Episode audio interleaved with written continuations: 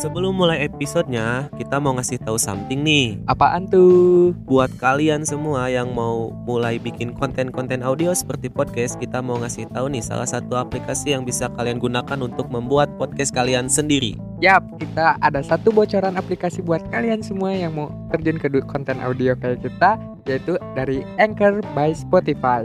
Di Anchor ini sudah full package banget nih menurut gua ya karena di dalamnya ini terdapat fitur-fitur yang bisa kalian gunakan untuk recording, editing dan juga untuk mempublikasikan podcast kalian ke platform lain. Ya, jadi aplikasi ini tuh benar-benar sesimpel itu, segampang itu untuk digunain dan fiturnya juga lengkap. Kalian juga bisa dapetin aplikasi ini di App Store maupun Google Play Store atau kalian bisa kunjungi di www.anchor.fm. Dan mulai podcast kalian sekarang juga.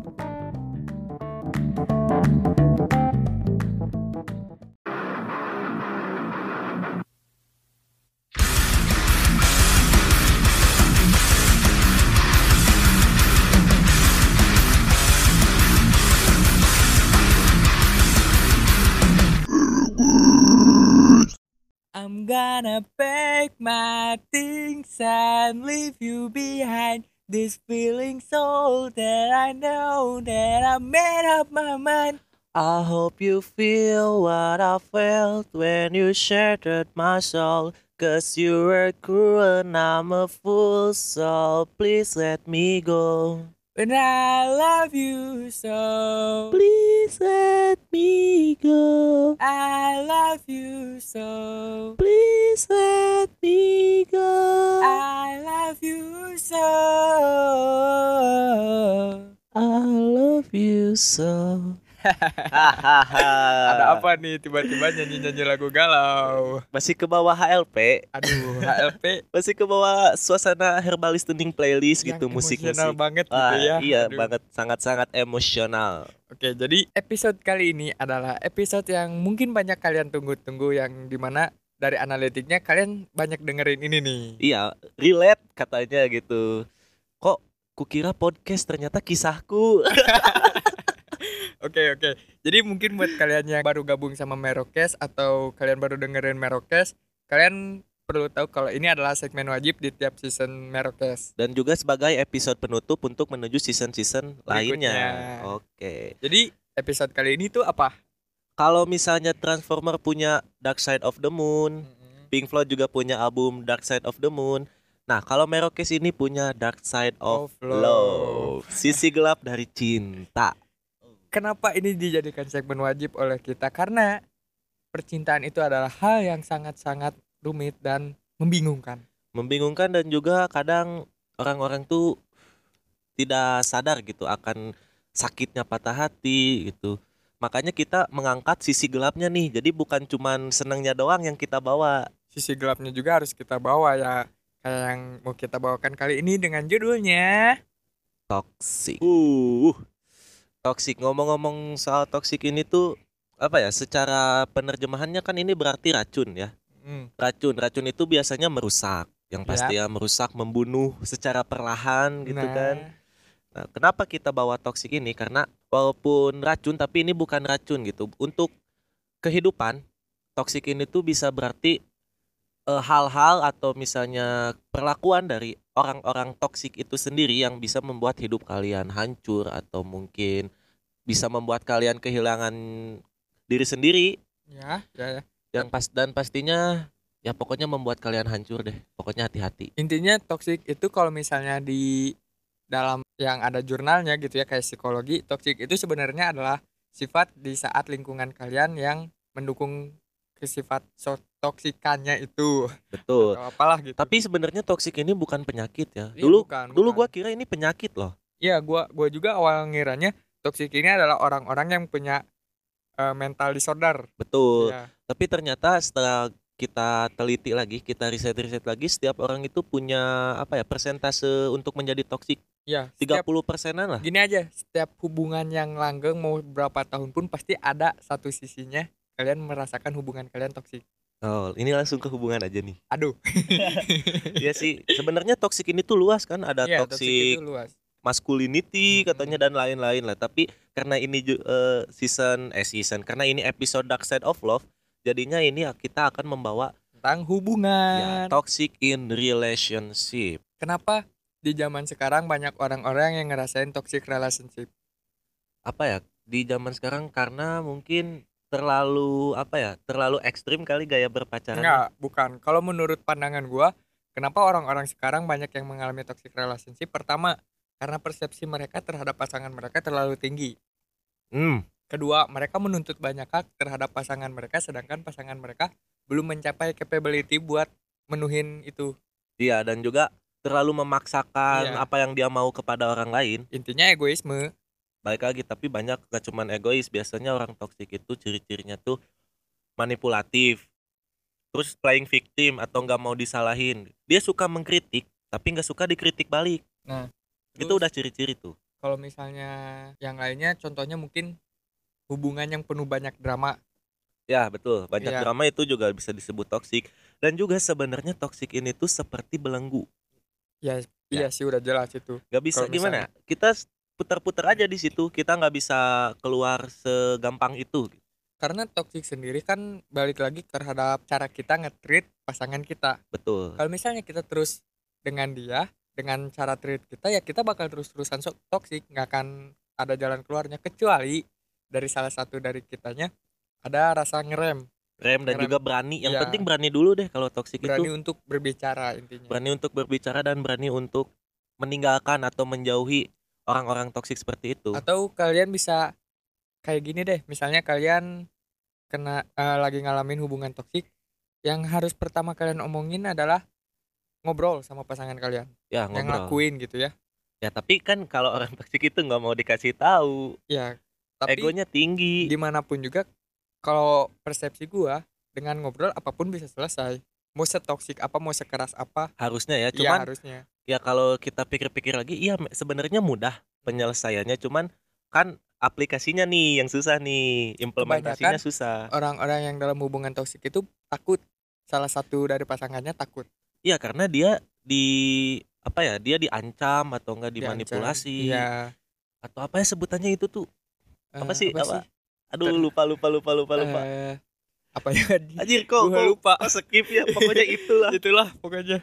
Dian- diancam diintimidasi Iya, ah, intimidasi. diintimidasi aduh Intimidasi susah banget maksudnya. lagi muter-muter jadi gimana nih kalau misalnya lu sendiri apa lu pernah mengalami ataupun lu sadar nih entah pasangan lu atau lu yang toksik kalau gua ada sih gua Kalau gue juga pasti ada. kita Dari- sedikit berkaca dulu nih Mm-mm. kita mirror dulu gitu Kalau dari gue pribadi ya pasti gue juga pernah jadi orang yang toksik.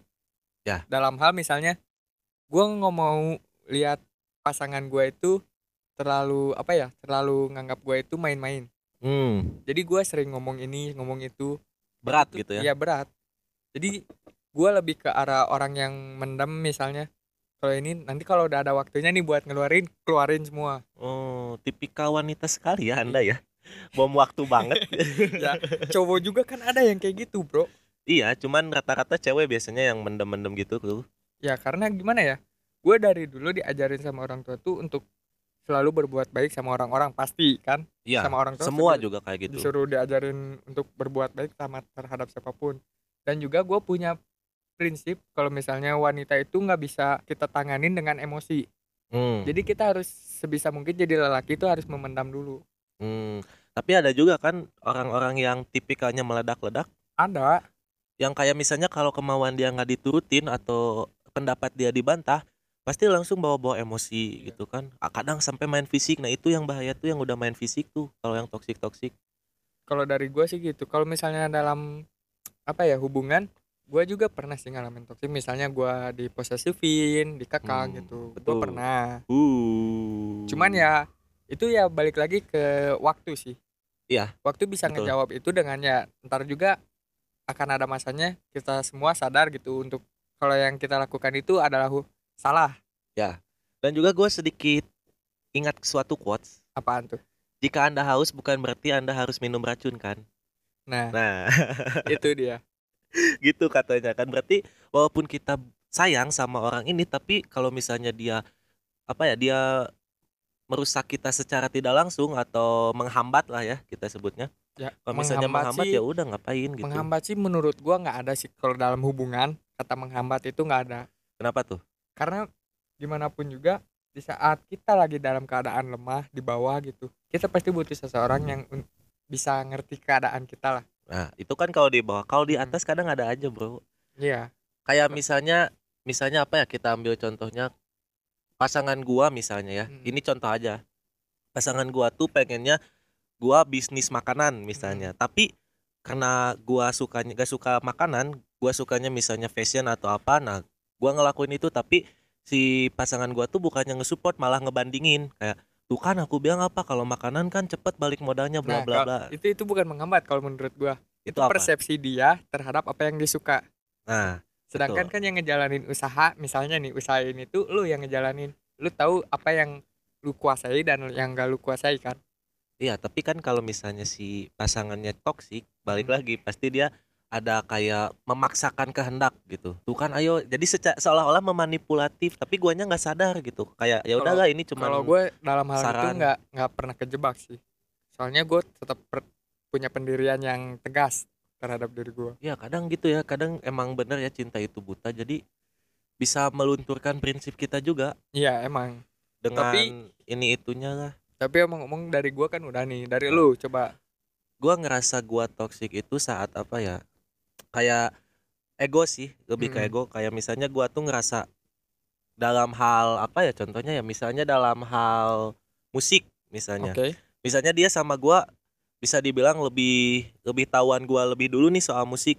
Terus kan tukar pikiran nih misalnya, tapi gua tuh kayak ngerasa ah enggak nih, gua nggak masuk gue nih. Oh, udah paling tahu nih Iya, gua udah tahu nih, udah tahu duluan. Wah, kok so Hmm. tahu nggak gitu loh, gini-gini. Jadi ujung-ujungnya ya, gua nggak mau dengar kritikan orang, tapi gue suka mengkritik. Gitu Oke. sih, kalau yang gua rasa ya. kalau hubungan yang toksik yang pernah lu aman Toxic, posesif, apalagi. iya sih ke- tapi kebanyakan kayak gitu sih Itu hubungannya itu tuh posesif tuh awal mula toxic tau. iya sih Kalau Ya, menurut iya sih. gua. semua semua orang juga pasti gitu ketika ketika misalnya dua orang dalam hubungan yang satu sudah yang satu udah mulai banyak ngomong kontrol diri kalian misalnya kamu harus gini loh kamu harus gitu loh aku Nah, nggak mau udah- kamu kayak gini Udah loh. disetir tuh. udah disetir jadi makanya lu harus punya pendirian yang tegas Nah, tapi se- secara riset nih, Hmm. secara riset kebanyakan yang toxic tuh justru cowok. iya karena karena gini kan setir nih ya cowok tuh kayak ngerasa punya tanggung jawab kayak merasa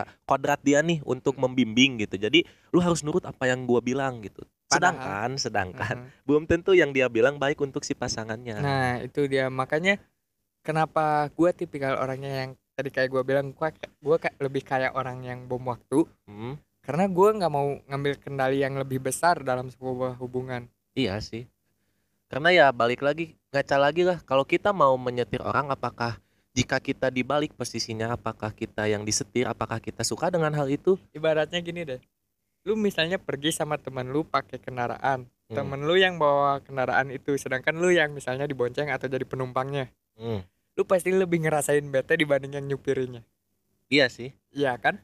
Kadang kalau misalnya di motor dibonceng gitu biasanya kita bawa 80 km nih biasa, aja. tapi, tapi kalau dibonceng udah deg-degan. Nah itu. Contohnya seperti itu kalau disetirin orang tuh nggak enak kan? Nah makanya jangan coba-coba menyetir kecuali kalau konteksnya udah dalam komitmen. Nggak, kalau misalnya dalam komitmen juga itu kan apa ya lebih ke arah bukan nyetirin tapi mengingatkan satu sama lain iya karena karena mis gini manusia tuh nggak pernah setiap manusia pasti punya anggapan mereka nggak pernah salah. Eh Iya. ya ego itu Ego. emang emang udah dari lahir kalau kan misalnya mereka mikirin sesuatu menurut mereka ini better eh, benar menurut mereka ini benar tapi menurut pasangan mereka jangan kayak gini ini bisa ngerusak hubungan kita. Ya betul karena intinya ya harus sadar diri sih.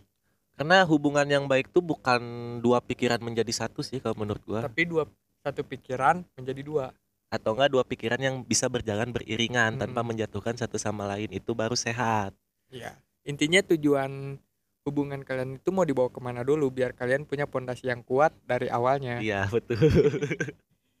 Aduh kok nggak Kenapa ya Pak? Senyum-senyum kenapa Pak? Merasa tersindir kah atau gimana? iya kadang apa ya? Kadang gua juga bingung sendiri ya sama diri gua gitu dulu ngejalanin hubungan mau dibawa ke mana gitu kan? Karena belum pernah apa ya gue belum pernah ngerasain hubungan yang bertahun-tahun gitu. Sebentar-sebentar jadi kan gue mikirnya oh apakah emang cuman main-main doang ya? Ya ya udahlah kalau mau main-main ayo gue mainin gitu. Bahasanya kasar ya pak. Ah, enggak maksudnya aduh gimana ya? Tapi kalau misalnya soal hubungan yang bertahun-tahun itu itu sebenarnya balik lagi ke tipikal orangnya sih.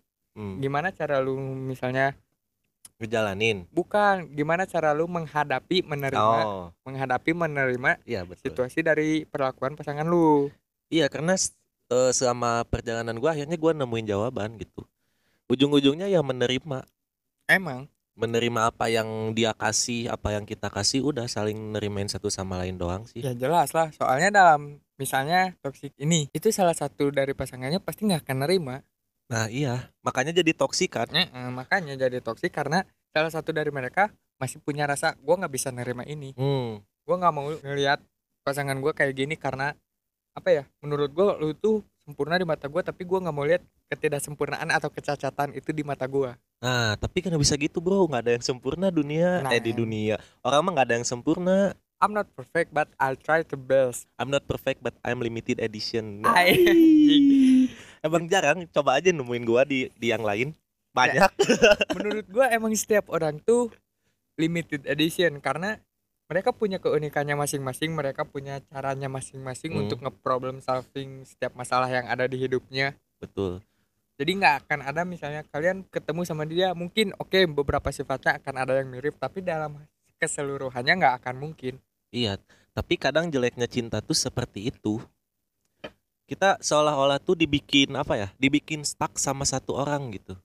ya namanya juga udah cinta ya pasti ya susah gitu Iya, mak makanya gue juga kayak berkaca dulu-dulu tuh. Kayaknya gua ber- eh, apa bertahan selama itu cuman karena waktu kali ya. bisa mungkin waktu atau misalnya tidak ada pilihan Nah, waktu dan tidak ada pilihan ya karena kalau udah punya pasangan bukannya nggak ada pilihan lagi. Kita udah nentuin pilihan kita ke si orang itu harusnya. Iya, iya. Jadi dalam hal ini tuh kenapa yang misalnya dalam hubungan toksik itu kenapa mereka pada bertahan karena mereka nggak udah ke trigger duluan lah intinya. Udah dibikin stuck ya. Iya, udah dibikin stuck, udah dibikin bener-bener bahasa anak sekarangnya tuh mentalnya dibikin hancur. Aduh, bukannya memperbaiki ya malah Mm-mm. menambah rusak. Jadi oke, mungkin itu kisah dari kita berdua.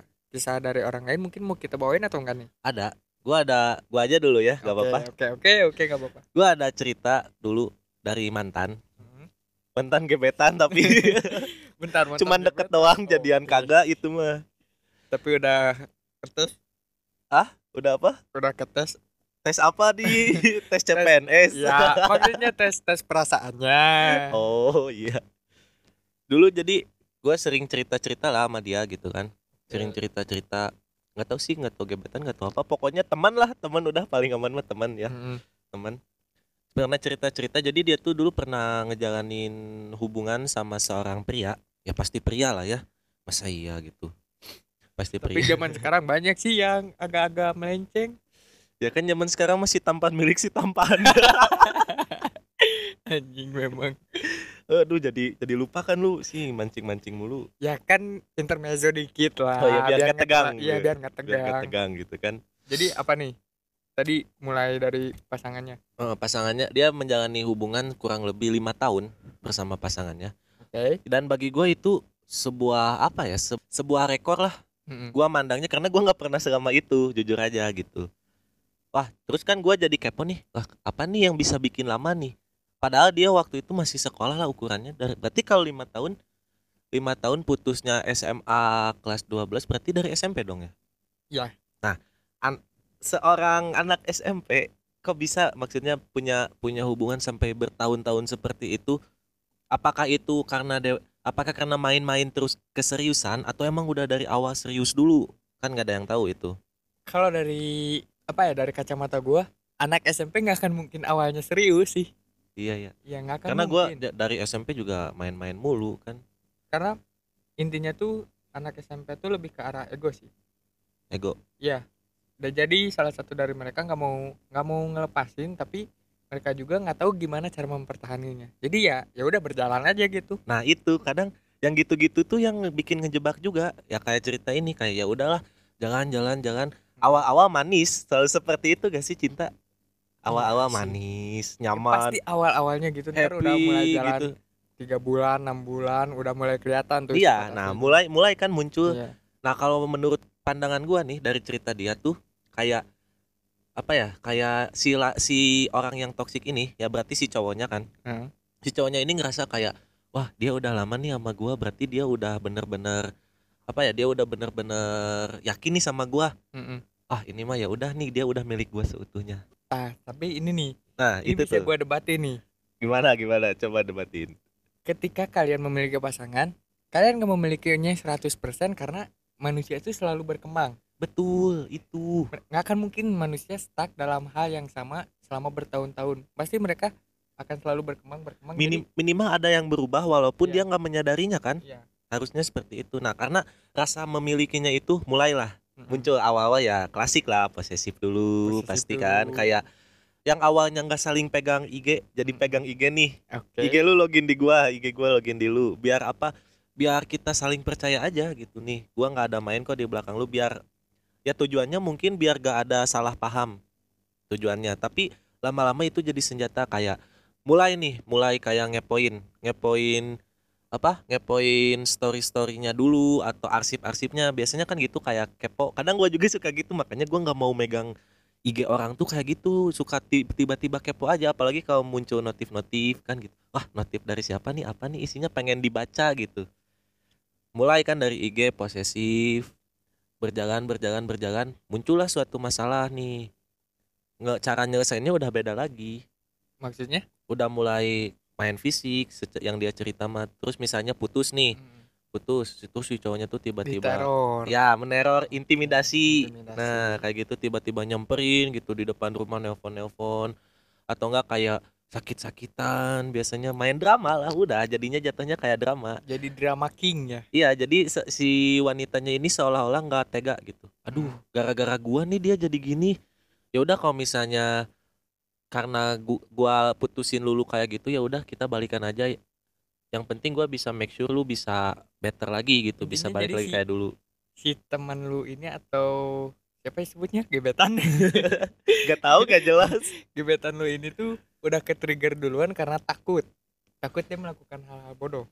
Bisa jadi. Atau gimana sih? Gua nggak nggak nggak gua juga sih sebenarnya kurang paham. kurang paham gitu sama ceritanya. Tapi set- eh, setelah sekian lama tuh dia tuh punya jadi timbul prinsip nih di diri dia. Mm-mm. ah ya udah dia kayak gini besok juga pasti berubah oke oke. Itu mungkin dari kata-kata itu gua udah lihat beberapa orang sih iya. kayak gitu. Soalnya kan tadi yang lu omongin ya nggak Iya. akan mungkin karena manusia berubah-ubah. Nah dia tuh sama pemikirannya. Dia maksudnya bener pemikirannya cuman salah salah apa ya? Salah orang yang lu percaya eh, apa salah orangnya aja sih kalau menurut gua. Kalau menurut gua dari gebetan lo itu udah benar yang dia lakuin. Yang nggak mikirnya ya cowoknya. Iya. Dia nggak nggak ngelihat pasangannya itu yang sekarang. Mm-mm. Jadi ya udahlah dia dia emosian gini-gini tapi ya udah ntar juga berubah. Ntar juga berubah ntar juga berubah. Tapi kan balik lagi toksik ini tuh nggak mau memperbaiki diri orang-orang toksik ini karena dia udah menganggap dirinya sempurna dan selalu benar. Nah itu makanya jadi susah gitu ngebedain tuh tipis banget nih orang-orang yang toksik sama yang normal gitu kan. Sangat sulit membedakannya. Kalau misalnya dalam hal itu bisa kelihatan sih kalau menurut gua. Hmm. mana orang yang toksik mana yang normal. Kelihatan dalam misalnya kita lagi di suatu tempat ngopi Bener, ada beberapa pasangan kan tuh. Ya.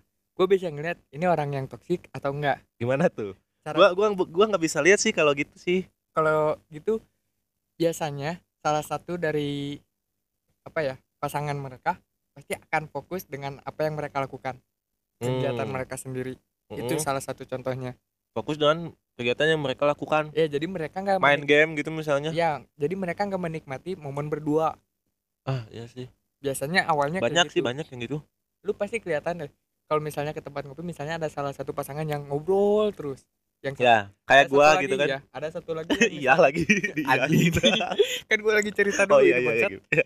gimana gimana? Jadi ada satu lagi pasangan yang salah satunya diem ngobrol sedikit mulai sibuk lagi. Nah itu tuh ciri-cirinya ya. Kalau menurut gua sih kalau misalnya dia lagi sama temennya sih ketahuannya tiba-tiba di di video callin di mana? Gini-gini coba laporan pap gini-gini gini. Hmm. kalau sama teman-temannya kayak gitu ya itu iya sih udah masuk sih. udah udah maksudnya belum belum bisa didefinisikan cuman udah ciri-ciri awal. Iya. indikasi awalnya seperti itu.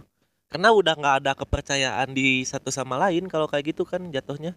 Ya iya. Gue yakin pasti udah bilang dari awal pasti udah bilang dari awal kayak eh aku mau nong- nongkrong ya sama teman-teman aku. Oh iya nongkrong di mana? Gini-gini. Kan dia udah tahu nih si orangnya tapi ya karena dia ego atau ngerasa memiliki seutuhnya gitu kan. Jadi dia tuh kayak nelfonin gitu di mana gini-gini ini cepat ada dua pulang." persepsi ini ada dua persepsi. Nah gimana pertama dari si cowok kalau misalnya ini kan biasanya cowok cewek ya? Ya pasti misalnya lah si cowok cowoknya yang lagi nongkrong hmm. sama teman-temannya terus diteleponin sama ceweknya. Ah. ceweknya punya rasa nggak percaya tapi di satu sisi si cowoknya juga salah. Seharusnya dia misalnya jadi cowok tuh ngeliatin kalau misalnya nih kita nongkrongnya ini aja ah. itu jadi bisa ngehindarin Oh. perdebatan jadi du- dua persepsi mungkin ya gue juga mik- salah, mikirnya mikirnya kayak mungkin dia kayak gitu karena awalnya eh dihianatin kepercayaannya gitu. Hmm. Kayak misalnya aku nongkrong ini cewek doang kok, cewek-cewek doang. Eh, taunya ada cowoknya. Jadi kan kayak mik jadi si si pasangannya tuh kayak anjir gue dibohongin nih. Gue nggak mau lagi ah dibohongin. Nah, caranya seperti itu. Benar juga sih maksudnya kan cara menyelesaikan masalah orang beda-beda.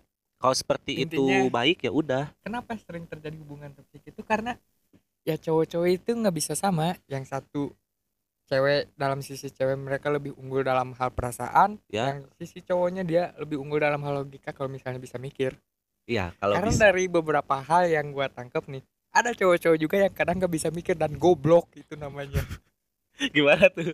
Coba yang gimana? Gue pengen tahu nih yang goblok tuh gimana gitu. Jadi misalnya nih udah jelas-jelas misalnya lu nggak misalnya mau nongkrong sama teman Hmm? nggak ngomong itu adalah hal yang salah Ya. tapi si cowoknya itu kekeh gue ini nggak salah Playing victim Iya. jatuhnya. Jadi seolah-olah dia yang menjadi korban. ini tuh kenapa gue berani ngomong gini karena ini salah satu teman kita ada yang kayak gini Ah, Lu iya. pasti tahu siapa kan Iya, gua tahu. lu tahu gua pasti tahu siapa kan? ini siapa. Goblok itu ya. iya emang goblok kan Iya, yang yang ini kan yang cewek. Ini yang ngakak nih. Yang ini bukan sih yang ceweknya. ya Wah. itu yang itu Jadi ceweknya udah maksudnya udah laporan video call atau apa terus ada apa teman-teman cowoknya minumin mau dilaporin aduh maksudnya gimana ya itu ya Yang goblok jatuh yang itu aduh mungkin dari pendengar-pendengar merokes kalian pasti punya lah antara cowok atau cewek teman kalian yang punya pemikirannya emang bisa kalian definisiin goblok. Gitu. maksudnya apa gitu? Maksudnya Iya. ya segitunya lu nggak perlu sampai mau disusulin. Anjir. Maksudnya ya udah tuh itu kegi- dia lagi happy happy gitu itu kegiatannya. Karena apa ya kalau dulu tuh gua kejebaknya dulu tuh kayak dunia itu serasa milik berdua gitu dunia lu di, itu itu tia- di dunia lu harus ada gua dan sebaliknya it- gitu itu bukan kejebak sih itu emang emang apa ya kom bukan komitmen apa ya disebutnya? Itu emang misalnya hal yang harus kalian terima kalau misalnya kalian punya pasangan. Ya. Nggak mau. Mau nggak mau. Mau Betul. mau. Cuman ya gitu. Nah balik lagi ke cerita nih. Hmm. ini udah ngelebar nih. Oke cuma Nah, jadi ya cerita, anjing. singkat cerita kan emang waktu ya kata lu tadi kan jawabannya waktu. Si ceweknya ini udah capek dengan kedramaan dan naik turunnya si hubungannya gitu kan kayak putus tapi dimanipulasi gak jadi putus dimanipulasi gak jadi tapi si cowoknya tuh gak berubah-ubah dan mengulangi mengulangi kesalahannya bahkan mungkin lebih parah lagi dari sebelumnya udah mulai main fisik dan lain-lain. Udah capek nih.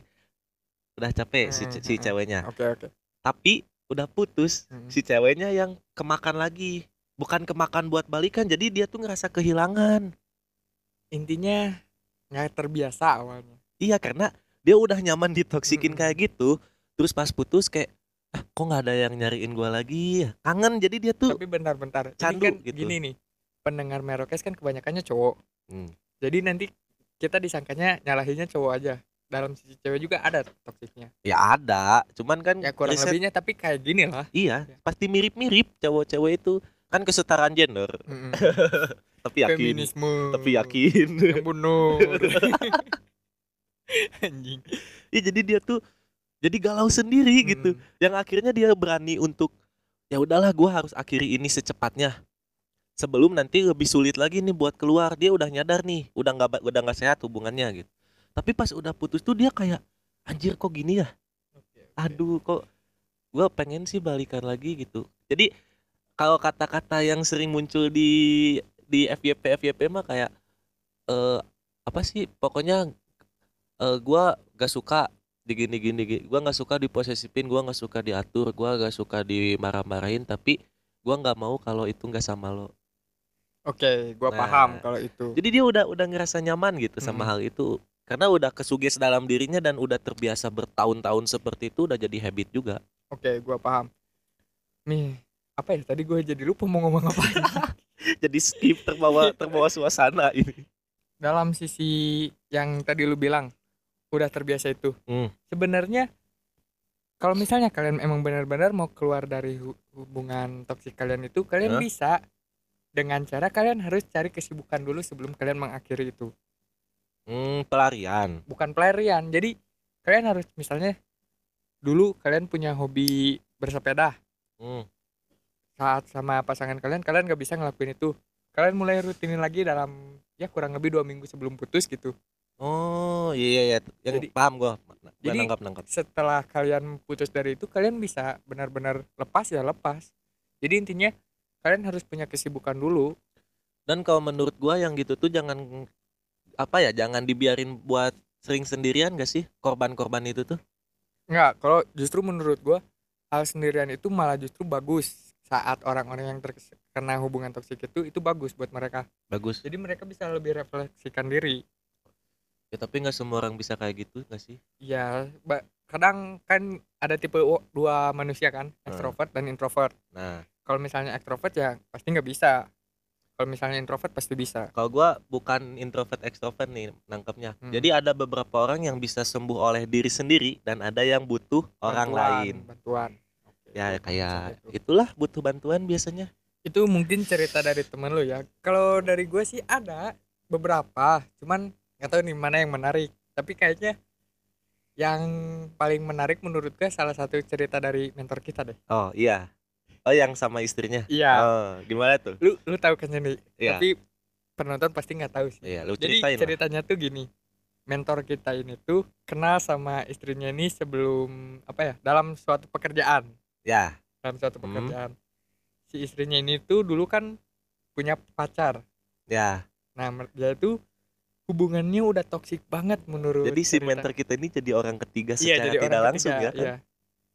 Yang di mana si si istrinya ini tuh yang dulunya belum kenal belum jadi istrinya, Hmm. anjing paham gak sih kalian Istrinya, istrinya sebelum sebelum jadi istrinya, Ya, bener, ya, ya, bener. bener kan, istrinya ini belum jadi istrinya bener. sebelum jadi istri dari mentor kita itu dia punya hubungan yang toksiknya udah udah parah lah gitu Parah banget itu udah ya. parah Wah, banget udah sampai disiksa di ah Wah, iya, eh, itu gue paling paling gak suka tuh lihat cowok nyiksa cewek tuh kayak gimana gitu ya. iya Tapi kalau nyiksa dalam itu mah ya yang mana nih yang mana terlalu eksplisit ya. bangsat memang jangan dibawa-bawa yang eksplisit dulu dah ya tapi kan itu mah balik lagi kalau misalnya dua-duanya menikmati dan menyukai ya udah mau Oh, nyiksa-nyiksa ya udah juga. gak usah dijelasin Oh, di sini iya, iya. juga pak nanti yang denger malah nganggap kita predator maaf ya, maaf ya, maaf ya. bangsat memang Maaf aku udah bukan pemain lagi kok. kita udah, jadi pelatih, Ah! Lebih bangsat itu, lebih bangsat. lebih bangsat. Anjing, lebih Oke bangsat. lanjut lanjut udah ngaco nih. Ya, jadi si mentor kita ini kan istrinya dulu tuh punya pasangan. Hmm. Udah yang udah yang tadi gua bilang, udah sampai disiksa diapain. Tapi si si istrinya ini tuh nggak bisa untuk ngelepasin ini eh, pacarnya dulu Karena nggak ada opsi takut, lain karena takut dan nggak ada opsi lain. nggak ada opsi lain. Betul. Setelah ketemu mentor kita ini tuh si istrinya bilang kalau dia nemuin apa ya kayak penjaga Hmm. penjaga atau yang bisa dijadiin punggung Tempat berlindung. iya tempat berlindung untuk istrinya ini untuk Guardian angel. iya untuk keluar dari hubungan toksiknya ini Nah, ya. Oh iya iya. akhirnya Terus lanjut dulu. lanjut istrinya dulu. punya keberanian lah si istri mentor kita ini tuh punya keberanian untuk keluar untuk ngakhirin hubungan itu Hmm. dan ya benar seperti apa yang dia pikirin kalau misalnya dia bakal bener-bener diteror bakal bener di apalah dicariin gitu-gitu sampai diculik gitu? Iya. Di ceritanya? Iya Eh, sam- sampai itu. ini nih yang epic mah sampai si cowoknya ini bawa keluarganya mau mau Mm-mm. dinikahin hari itu juga. Heeh. anjing. Kan itu udah Wow. udah udah difference level of toxic ya? Iya udah udah ke mana-mana itu toksiknya udah nyebar. Nah berlanjut lah akhirnya nggak lama dari itu yang nembak duluannya itu ceweknya akhirnya. Istrinya ke Iya. mentor kita. Dan mentor kita ya karena bingung juga ya udahlah diterima gitu. Dan dia juga mungkin udah ngerasa aduh kasihan nih. Iya. Dan emang udah sayang juga kali ya Hmm. udah ada rasa cinta gitu udah udah tumbuh. Sep- kayak yang pernah kita dengar dari cerita mentor kita awalnya saya juga sama istri saya tuh saya nggak ya biasa aja nggak ada rasa tapi Iya. ya berjalannya waktu mulai ada. Dan yang paling epicnya ini hubungan toksiknya ini nggak berakhir sampai situ bahkan sampai mentor kita nikah Lu inget nggak? mas- iya masih ada kan Iya. anjing itu wah itu kalau kalau bagi gue itu udah dewanya toksik orang itu tuh iya bahkan benar-benar udah toksiknya nih udah beda karena udah masuk jalur hukum ah gila Intinya. gak tuh ribet banget kan emang Iya. dari drama itu sebenarnya gue pingin gue bisa nyeritain secara lengkap cuman nggak terlalu inilah bukan gimana ya karena kita juga ini nggak izin dulu untuk nyeritainnya iya jadi kita Jadi- ceritain potongan-potongan aja eh, apa intinya inti Intinya. ceritanya toksiknya itu udah berlanjut sampai ke hubungan saat mentor kita dan istrinya udah menikah. Ya. Si cowok mantan pacarnya ini tuh tetap terus ngeteror si istri mentor kita. sampai sekarang gak sih Sekarang sih udah enggak oh, kan. udah enggak Dari terakhir yang kita ketemu kan. ya udah Udah- udah, udah clear lah aman. karena udah masuk jalur hukum juga kan Iya. Bahkan yang gua bi- benar-benar epic tuh sampai mentor kita ngehajar si mantannya itu sampai wah rame bener-bener rame. sampai ujung-ujungnya harus main PC kan iya, sampai bener-bener akhirnya masuk jalur hukum karena itu.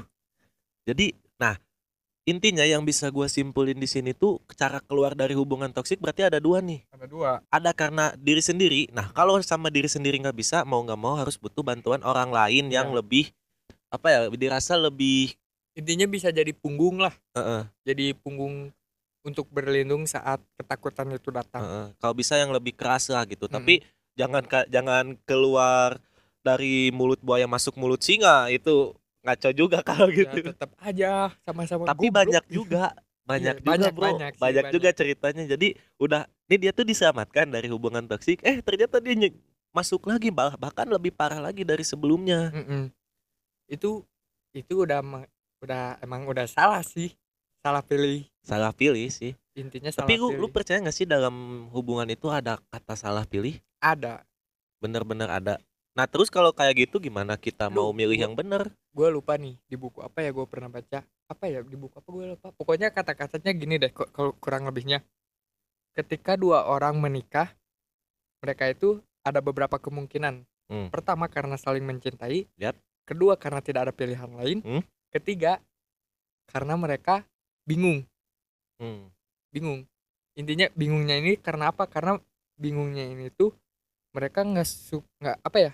Mereka udah ngerasa capek lah, Nah, salah pilih Iya. terus salah pilih terus. berarti sama hampir sama kayak opsi kedua nggak ada pilihan lain Mm-mm. tapi kalau nggak ada pilihan lain mah bukan itu gua nangkepnya sih Apa? MBA Eh, anjing.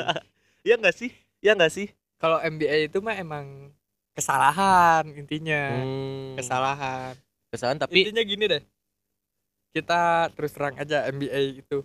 Saat kita melakukan hal itu yang dalam tanda kutip ya kalian pasti paham lah. Hmm, dalam melakukan hal itu pasti yang kita pikirin ini nggak akan jadi.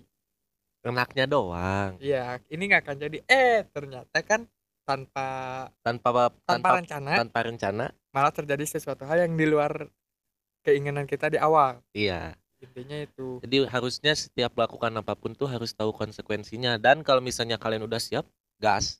Iya. Kalau menurut gue sih gitu sih. Jadi bukan ngejudge itunya salah atau enggak sih. Ya udah yang penting kalian tahu konsekuensinya. Kalau ngelakuin A nanti B nih konsekuensinya. Intinya gini deh. Dalam hubungan relationship itu nggak ada yang namanya sempurna. Itu yang tapi- pertama harus digaris Iya. garis bawahi bener-bener gak ada yang sempurna. Nggak ada yang sempurna. Kedua manusia itu pasti selalu berevolusi bukan berevolusi berkembang. Berkembang. Selalu berkembang. Dalam setiap tahunnya pasti selalu ada perbuatan mereka yang merubah cara hidup mereka. Nah ngomong-ngomong soal berkembang gue juga ada pengalaman nih. Apaan? Jadi ada beberapa orang yang ada di dalam apa ya cerita hidup gua yang Mm-mm. pernah menjalin lah sama gua atau enggak sedang menjalin hubungan sama gua. Oke. dia tuh kayak apa ya takut akan perubahan itu loh tapi takutnya tuh bukan takut dia yang disakiti tapi takut dia yang menyakiti ngerti nggak lu maksud Ini mah cerita lu sekarang dong. Dibilangin anjing. Ya, ya jadi apa-apa. jadi kayak gitu dia tuh takut akan perubahan karena takut perubahan itu bakal menyakiti si pasangannya tapi menurut kalau menurut gua pemikirannya gini sebenarnya sakit atau enggaknya itu tergantung si pasangannya nangkepnya kayak gimana kan kalau misalnya nih lu pasangan lu tuh yang awalnya suka main game bareng sama lu Hmm. tiba-tiba suka game lain nah jadi udah nggak mabar lagi sama lu apakah lu bakal sakit akan hal itu kan tergantung juga Tergantung kita menerimanya gimana. Iya, kalau kitanya nggak bisa menerima dan yang paling penting kalau misalnya berhubungan dengan perkembangan atau perubahan, yang Mm-mm. penting adaptasi. Kalau kalau nggak bisa ya udah, kalian bakal sakit. Itu ngobrol sih. Iya, karena itu ngobrol. Iya. kan diobrolin dulu dari sekarang gitu. Tapi ya intinya ya Tapi adaptasi, intinya di dalam hubungan itu nggak ada yang salah, nggak ada yang benar, nggak pernah ada. nggak akan pernah ada karena persepsi manusia itu Iya. nggak bisa nggak mau nggak mau selalu disalahin. Dan juga nggak bisa disamaratain juga. Misalnya kita kita punya cerita A dalam hubungan kita, kita cerita ke teman-teman kita atau kita berbagi pengalaman sama teman-teman kita. Pas teman kita ngalamin hal itu, nggak akan mungkin apa yang kita lakuin bisa diaplikasikan langsung. Dan juga nggak mungkin si te- si orang yang kita ceritain itu bisa merasakan apa yang kita rasakan juga. Ya kan? Udah jalanin aja hidup-hidup lu masing-masing aja udah. Iya sih benar intinya sih itu. kalau jalan keluar dalam hubungan toksik tuh intinya ada dua diri Intinya ada sendiri dua. dan juga orang lain kalau orang lain tuh kayak udah mentok gitu tapi gue yakin setiap orang bisa dengan diri sendiri tuh dia berani Hmm, nggak juga sih menurut gua karena emang kalau misalnya cowok yang ngerasain ditoksikin sama ceweknya dia pasti bisa dengan sendirinya. Eh, kalau cewek nggak susah. Kadang susah ya. Ya karena cewek itu ya balik lagi bukan kita mau menganggap cewek itu lemah tapi unggul dalam hal perasaannya. Hmm. jadi mereka pasti butuh teman untuk seenggaknya mengadaptasi dirinya sendiri untuk waktu yang itu yang saat kalian berakhir hubungannya. Tapi kayak gua kalau kayak gitu dong gua sering jadi betadin jadi Hansaplast buat cewek-cewek tuh. Itu Ya. gimana kalau gitu? Siapa yang salah kalau kayak gitu? Kalau itu gua nggak bisa komen sih. Karena ya di satu sisi kalau misalnya gua ngebela ceweknya lu pasti nggak akan terima. Kalau lu gue ngebela lu pasti cewek-ceweknya nggak akan nerima. Iya ya gue nggak nggak bisa komen soal itu karena ya balik lagi kenapa kalau misalnya lu udah tahu di awal lu jadi betadin atau perban untuk dia kenapa lu lanjutin? Karena gua nggak tahu bakal kayak gitu endingnya. Kan gak ada yang tahu. Karena gua tuh Ya, selalu selalu beranggapan selalu gini nih. beroptimis kan? Iya. dia pasti bakal berubah dan dia bakal ya benar-benar itu sama gua. itu tuh Iya. yang bangsatnya itu tuh. Ah gak apa-apa ntar juga beda kok. Ya Hmm. udahlah gas aja dulu. Nah itu. Jadi Eh, kejebak di situ. eh akhir-akhirnya gitu. Kan sembuhnya sama siapa gitu? Lanjutnya sama siapa? Kan, kan goblok namanya tapi nggak apa-apa ya kok happy ya. bentar-bentar kok gue di episode ini kayaknya banyak ngomong goblok ya? Karena udah kesal Iya. karena udah kesel. Jadi segitu aja lah ya buat pembahasan dark side of love khusus Eh, toxic ini. Iya. Ada tambahan nggak? Ada tambahan nggak dari lu? Tambahannya mungkin saat kalian mengalami hubungan toksik kalian pertama coba refleksi diri kalian dulu. Ya.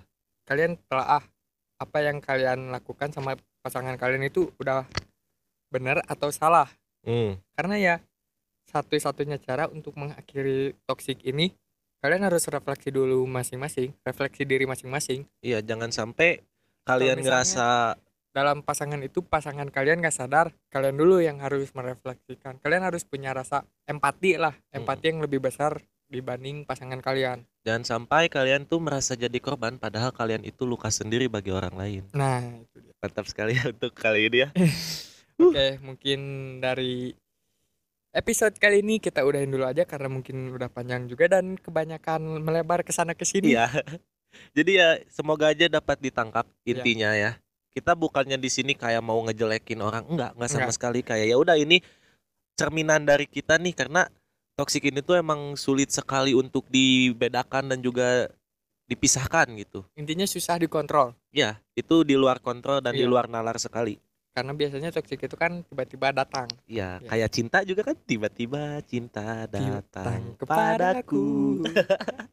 Oke kan tadi kita diawalinya sama lagu mau diakhirin sama lagu lagi nggak nih nyanyi? Apa ya lagu yang merefleksikan hubungan toksik ini nih? Hmm, Bulletproof Love Nah, coba coba sedikit setengah-setengah dari lu tuh. yang Refnya aja, refnya. refnya tuh yang mana ya? This isn't Ini mungkin bukan bagian refnya kali, lebih ke verse 2 kali ya. Kayaknya sih. Oke, jadi kita Kita nyanyi, nyanyikan. kita singelong aja kali ya.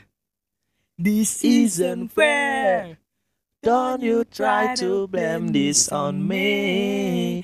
My love for you was bulletproof, but you're the one who shot me. And God damn it, I can barely say your name, so I try to write it and feel the pain with blood from the sea. Oke, sekian dari kita. Gua Pai pamit undur diri. Gua San San pamit undur diri. See you people. See you on season 3 of Merokes.